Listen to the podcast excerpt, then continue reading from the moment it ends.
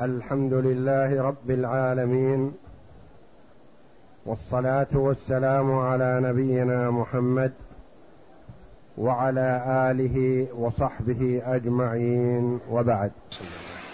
بسم الله الرحمن الرحيم والصلاة والسلام على أشرف الأنبياء والمرسلين نبينا محمد وعلى آله وصحبه أجمعين.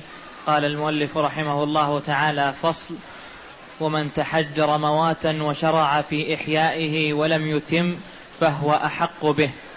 لقول رسول الله هذا الفصل أورده المؤلف رحمه الله تعالى في بيان حكم التحجر لأن عندنا إحياء يملك به وتحجر لا يملك به. وفي هذا الفصل بيان حكم التحجر. هل يكون أحق به أو لا؟ هل يؤمر بإحيائه أو لا؟ في بيان ذلك. نعم. في قول رسول الله صلى الله عليه وسلم من سبق إلى ما لم يسبق إليه مسلم فهو أحق به. رواه أبو داود. يقول رحمه الله ومن تحجر مواتا. يعني كما يقال حماه. أو وضع عليه يد. أو شرع في مبادئ الإحياء. ولم يتم له الإحياء. فهو أحق به. ما يسوغ أن يأتي شخص بعده بيوم أو يومين ويتحجر ما تحجر أو يشرع في إحياء ما شرع في احيائه ويقول أنا وأنت سواء فالسابق أحق. بقوله صلى الله عليه وسلم من سبق إلى ما لم يسبق إليه مسلم فهو أحق به. وهذا في كثير من الأشياء. سبق إلى شيء ما من المباحات ولم يسبق غيره فهو أحق به. ثم ينظر في هذا. إن كان مجرد السبق يكفي كالعشب والكلى والكمعة ونحو ذلك مما يؤخذ من الأرض فهو إذا أخذه ملكه لأنه سبق إلى ما لم يسبق إليه مسلم. وإن كان شيئا يحتاج إلى إحياء أو حفر آبار أو إجراء أنهار أو نحو ذلك فالسبق يكون أحق به هو ثم ينظر في موضوع تكميل الإحياء. فما يأتيه من يزاحمه يبدأ هو مثلا في النهار في إحياء هذه الأرض فيأتيه شخص بليل بمعدات أكثر وعدة قوية فإذا به في الصباح يحيي إحياء كثيرا. يحرم السابق لأن السابق بدءه وإحياؤه على قدره. ضعيف. فأتاه قوي وأحيا ما جزم وعزم ذاك على إحيائه إلا أنه سبقه. فيقال السبق للأول الحق للأول.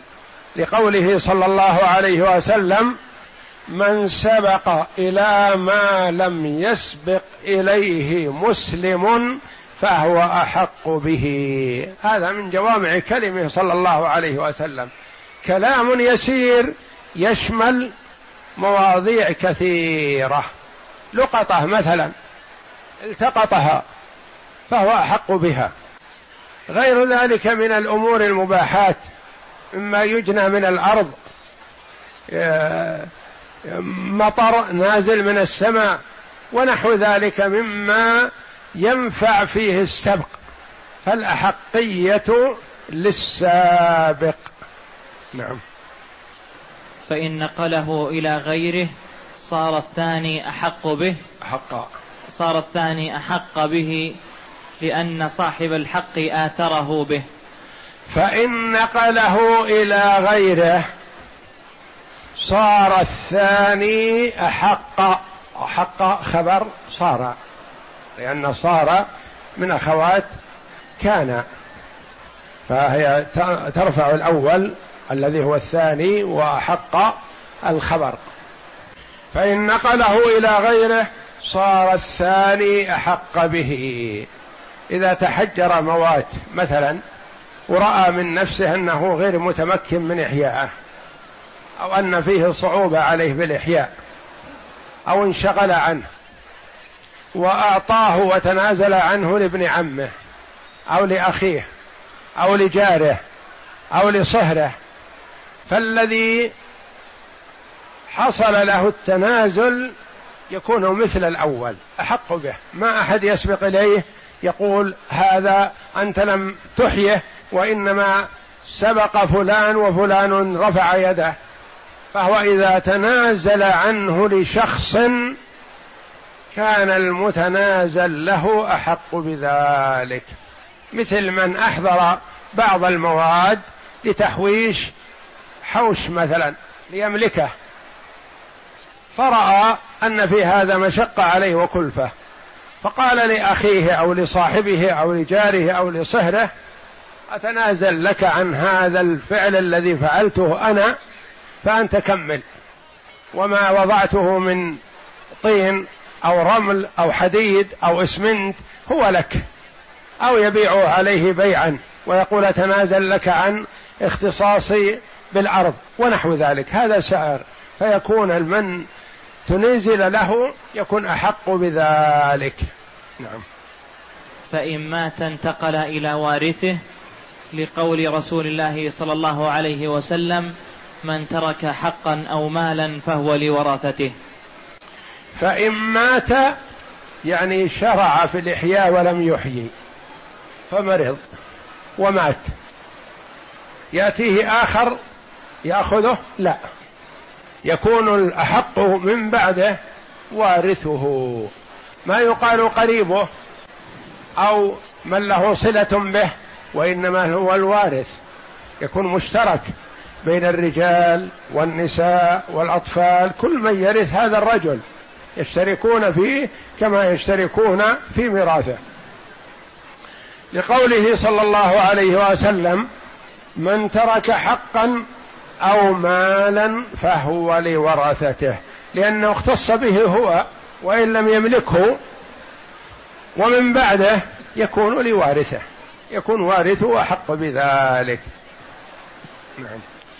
وإن باعه لم يصح لأنه لم يملك فلم يصح بيعه كحق الشفعة. ويحتمل جواز بيعه لأنه صار أحق به.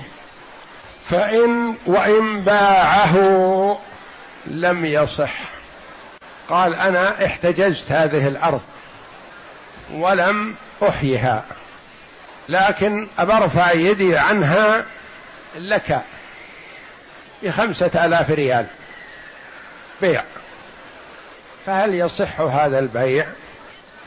قولان قيل لا يصح. لأنه لا يصح للإنسان أن يبيع إلا ما يملك. شيء لا يملكه لا يبيعه.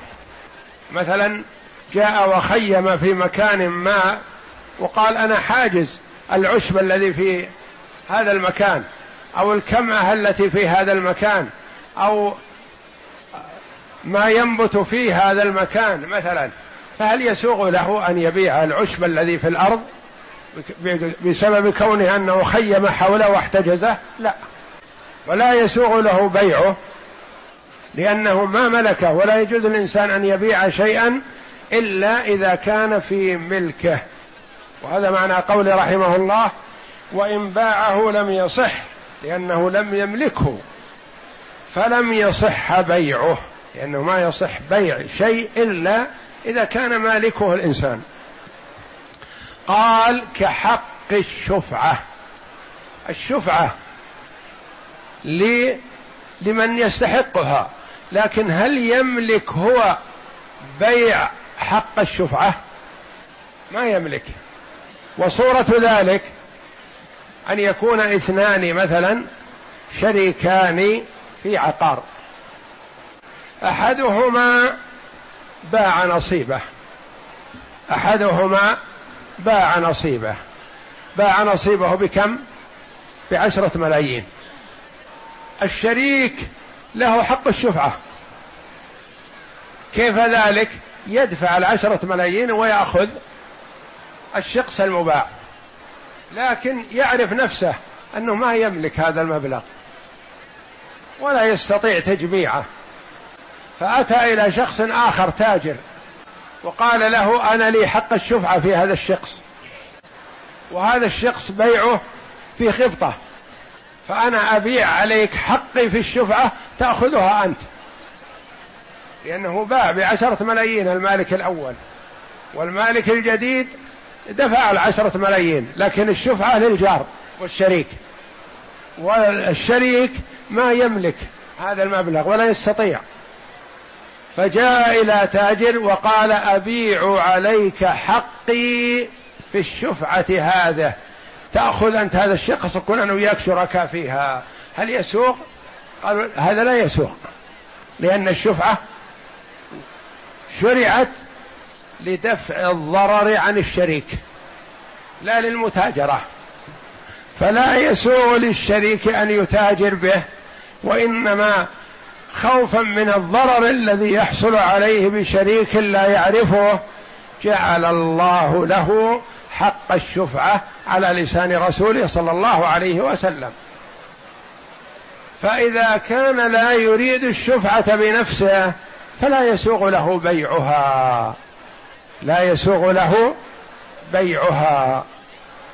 هذا على القول بأنه لا يسوغ بيع هذا الشيء الذي اختص به فلان. قال ويحتمل جواز بيعه لأنه صار أحق به صار هو أحق به. قول آخر احتمال أنه يجوز بيعه. يقول أنا مثلا وضعت في هذه الأرض رمل وطابوق واسمنت وكذا أشياء أريد بناءها. لكني أرى نفسي أني عاجز عن بنائها ولا حاجة لي في ذلك. لكن أبيع عليك الاسمنت والحديد والرمل هذا معقول. أبيع عليك بكذا.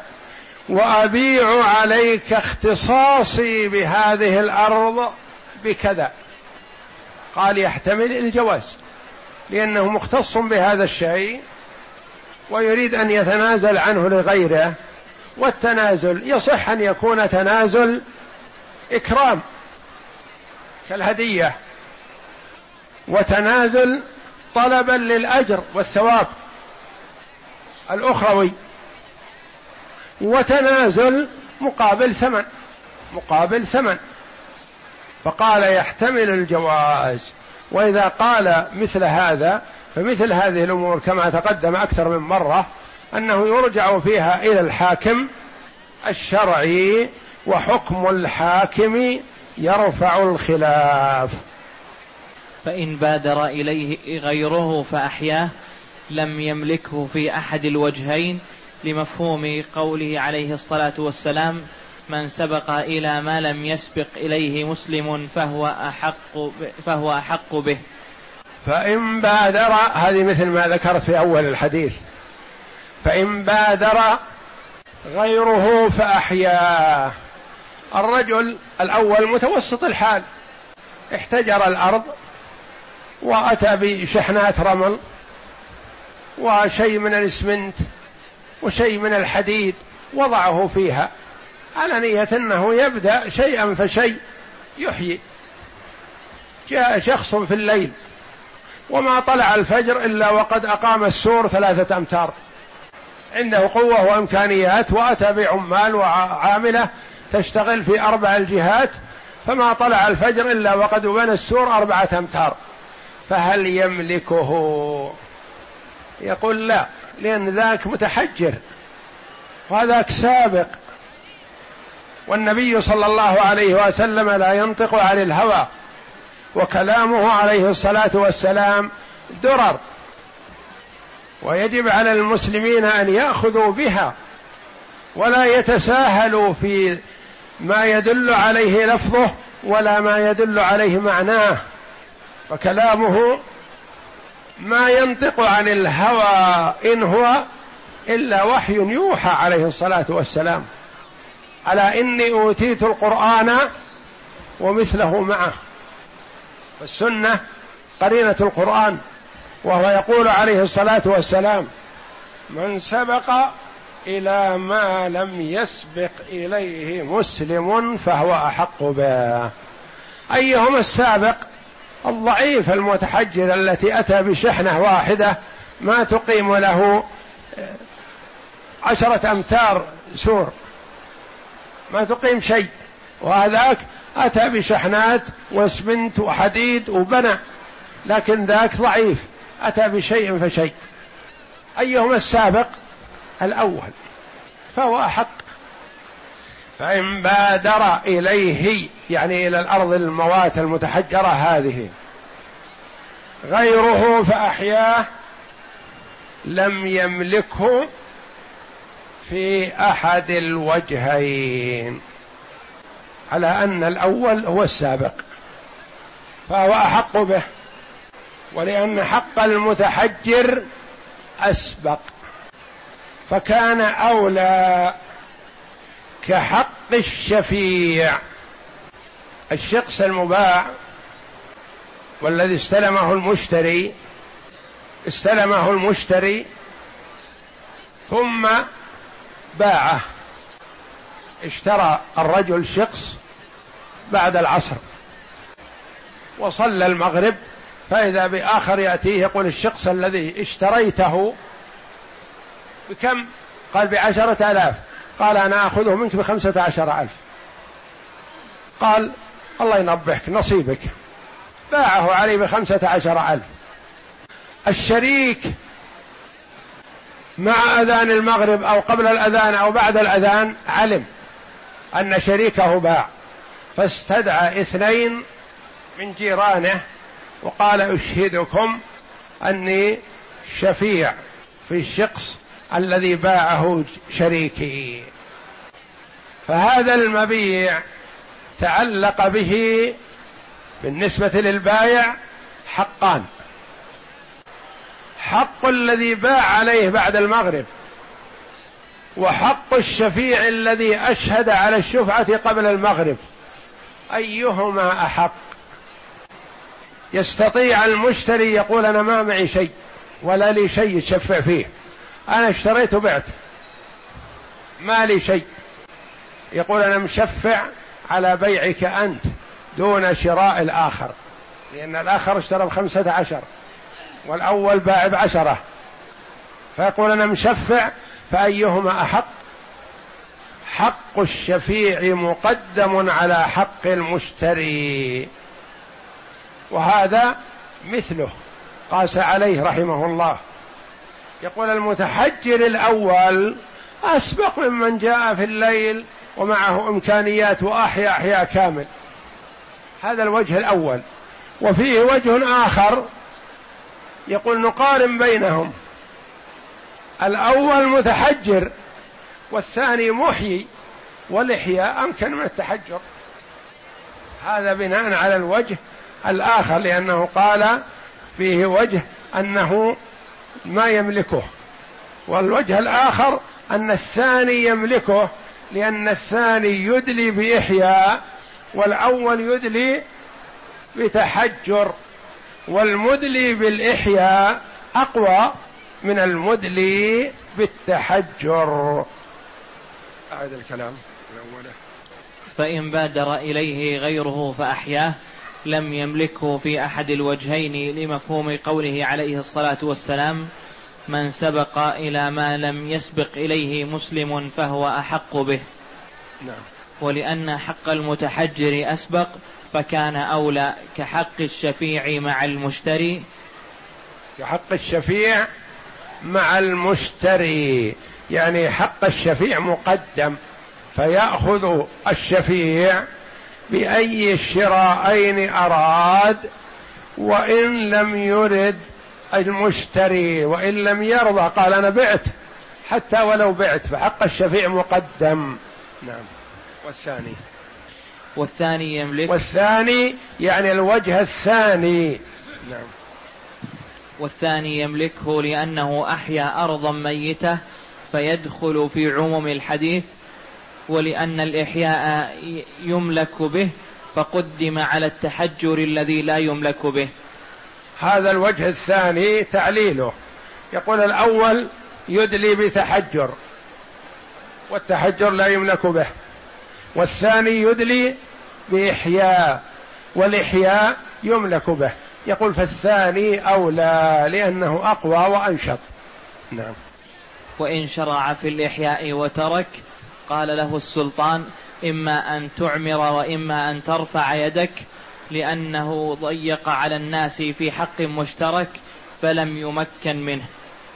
كالوقوف في طريق ضيق فإن سأل الإمهال أمهل مدة قريبة كالشهرين ونحوهما فإن انقضت ولم يعمر فلغيره إحياؤها وتملكها كسائر الموات.